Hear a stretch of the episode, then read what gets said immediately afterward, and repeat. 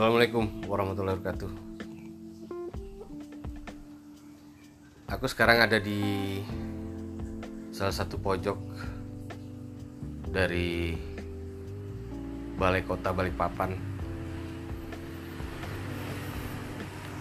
Ini sebuah tempat yang menurutku banyak cerita,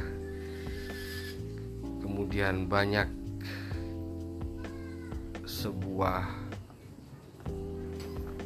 kebijakan yang dikeluarkan dari gedung ini. Tapi aku di pojoknya gue nggak di dalam gedung.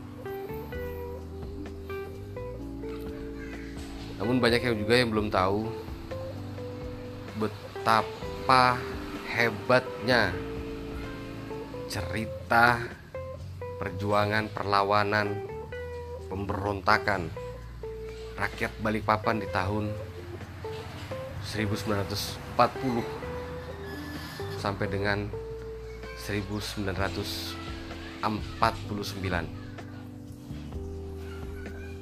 anak muda mikirnya aku ini kenal apa ya? Mikirnya ya Balikpapan ya begini aja.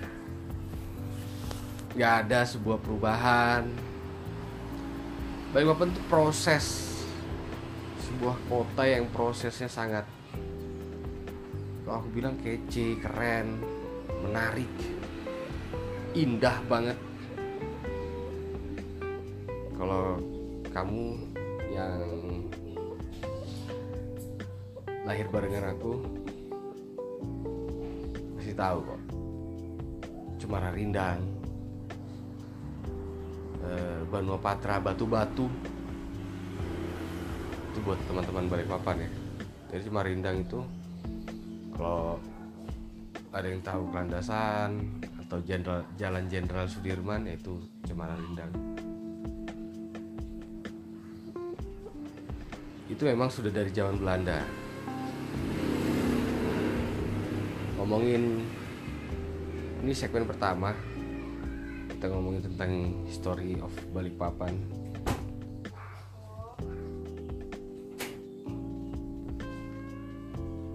pertama ini ya range-range itulah dari 1928 sampai 40 kalau secara Indonesia 1928 adalah Sumpah Pemuda bulan Oktober. Tapi di Balikpapan Sumpah Janji Karyawan BPM atau Pertamina. Kenapa? Karena Balikpapan ini dari 1897 sudah mulai dibangun. Awalnya adalah JH Menten. Jonathan Hendrik, eh bukan Jonathan Hendrik. Siapa ya? Pokoknya hanya itu Haji.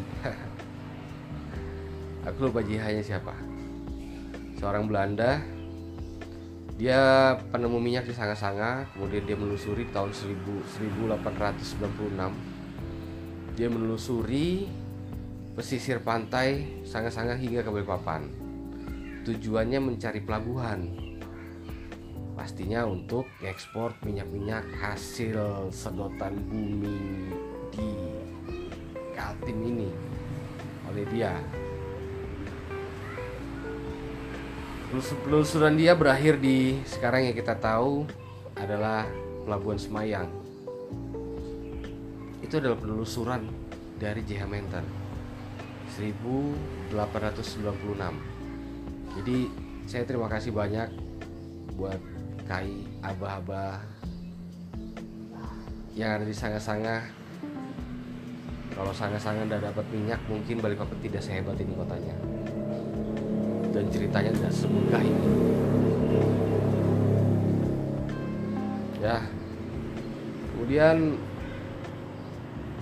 oh ya JH Menten pasti sudah dapat izin konsesi dari Kerajaan Kutai pada saat itu. Kemungkinan ada sesuatu hal yang akhirnya hmm, nanti bisa disinkronkan dengan sejarah Kutai. Ya jadi bagi hasil lah kalau menurutku. Karena ini adalah lahan Kutai sampai Balikpapan. Raja juga mendapatkan hasil dari minyak bumi Jahamentan yang diekspor. Singkat cerita dia mendapatkan pelabuhan itu 1896 bulan September kalau nggak salah. Dari Juni sampai September penelusuran dia kalau nggak salah itu. Tapi dia berpikir sangat-sangat ada minyak. Daerah ini kalau nggak ada minyak itu kayak nggak mungkin. Karena dia kan ahli ahli geologi juga. Ya dia seorang inilah seorang yang mempunyai ilmu dalam perminyakan. Entah dia yang mempunyai skill teori sumber minyak kita nggak tahu zaman itu kan. Aku nggak banyak literasi dapat literasi banyak tentang si J Hamilton kemudian dia jelajahi jelajahi jelajahi. Nah di Februari tanggal 10 tahun 1897 berarti September Oktober November Desember Januari Februari 5 bulan. 10 Februari 1897 dia menemukan sumur atau sumber minyak pertama di Balikpapan yang dia sebut Matilda sumber minyak Matilda. Bukan yang kita lihat sekarang. Kamu bisa lihat itu ada di belakang Lanal. Masih ada masih aktif. Di situ ditulisin kalau nggak salah apa ya daerah berbahaya atau apa. Teman-teman yang tinggal di pelayaran tahu itu. Jadi kalau buat podcaster yang dengerin dari orang Balikpapan cari aja teman di pelayaran minta antar ke sana ada itu. Di belakang situ. Jadi di belakang lanal dia. Angkatan laut. Itu asli masih ada. Pompanya masih ada. Jadi yang di pinggir jalan sekarang sebelah kiri itu bohong. Itu bukan itu hanya simbol. Jadi bukan di situ. Sumber pertama minyak di kota Balikpapan bukan di situ. Bohong itu. Oke 1897 ya 1899 selesai kilang berdiri. Kecil yang sekarang disebut pintu satu. Dibongkar juga Gunung 10 itu ya. Pada saat dibongkar banyak sekali temukan itu. Sekarang tuh habis gundul dul dul dul dul banyak banget ditemukan. Aku dapat botol kayaknya bir itu tulisannya balik papan timbul kaca timbul embos. Kemudian ada yang tulisannya nipong. Dari area situ berarti kan pemukiman itu. Pertamina nutupin supaya nggak ada tim arkeolog ganggu petanahnya. Atau gimana lah. Jadi banyak barang sejarah di kota ini hilang hancur. Ya banyak. Contohnya Pertamina yang buat. Merusak itu semua. Dahor itu nanti kita akan cerita. Ini akan berkaitan dengan rumah dahor jadi pintu satu itu adalah pemukiman pertama kilang pertama. Kecil banget tempatnya kecil. Dan itu hebatnya menjadi kilang percontohan seluruh dunia. Di zaman itu ya 1899 itu sudah selesai ter, ter uh, terbangun kilang itu. Nah 1899 jadi pemukiman itu ada di sana bakal aku mungkin di next episode atau segmen aku bakal cerita tentang perang dunia juga dari situ. Bagaimana keadaan kilang? Apa kabar kilang? Apa kabar noni-noni Belanda? Apa kabar tentara-tentara Heho? apa kabar orang-orang Jepang itu? Apakah ada geisha geisha itu? Di bawah apa kita bakal cerita. Tapi aku mau ngomong dari 1897 sampai eh, 19 1828 1899 kilang sudah berdiri otomatis butuh karyawan kan? Jadi dua selama dua tahun itu pun sudah ada, sudah ada karyawan karyawan untuk bekerja bekerja terutama pekerja pipa bangun kilang.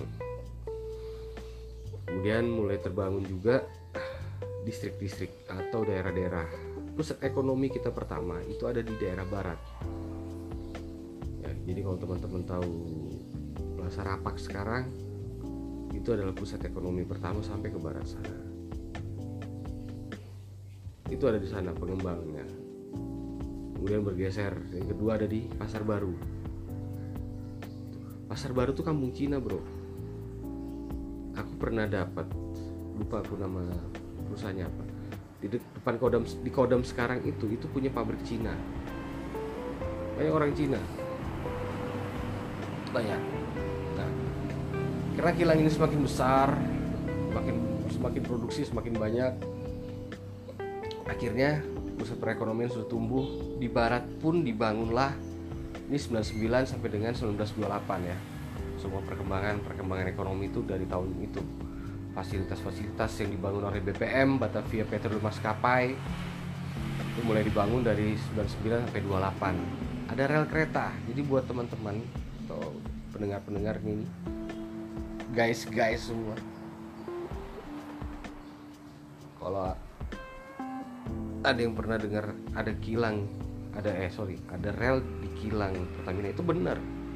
Ada yang katanya rel itu sampai ke Sanga-Sanga. Ya logika aku sih masuk karena pelabuhan ada di sini. Gitu. Secara logika ya tapi penelitian tertutup aspal. Itu masalahnya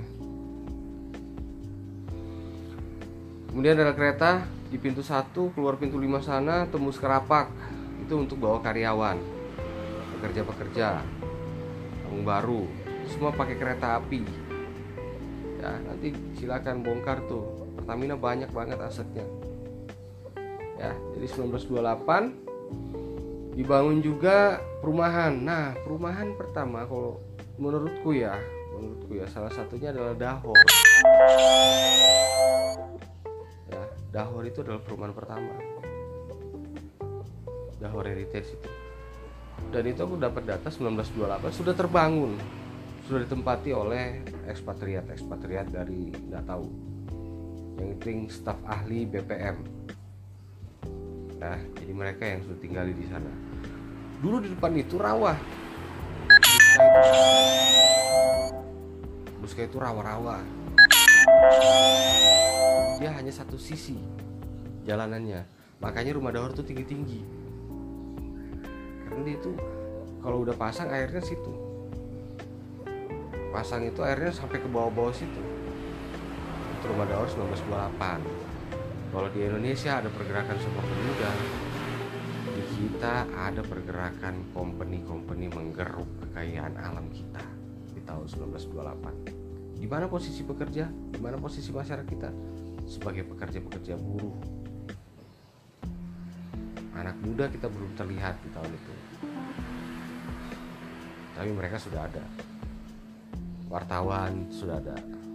Sudah mulai lahir anak-anak muda pada saat itu. Jadi terbangunlah fasilitas semua fasilitas. Jadi sekitar 99 kemudian 20 21 22 sekitar 7 tahun fasilitas di balik itu sudah terbangun semua. Jadi kampung baru itu memang termasuk kota tua. Tapi kita lihat sekarang ya. Daerah situ sangat tidak ya begitu aja. Seandainya kamu wahai pemerintahan wahai kementerian anda anda semua mengerti tentang pariwisata sejarah potensinya. Tolong sampaikan ke mereka. Jangan dijadikan itu hal yang biasa. Itu kisah awal kita tentang story of Balikpapan.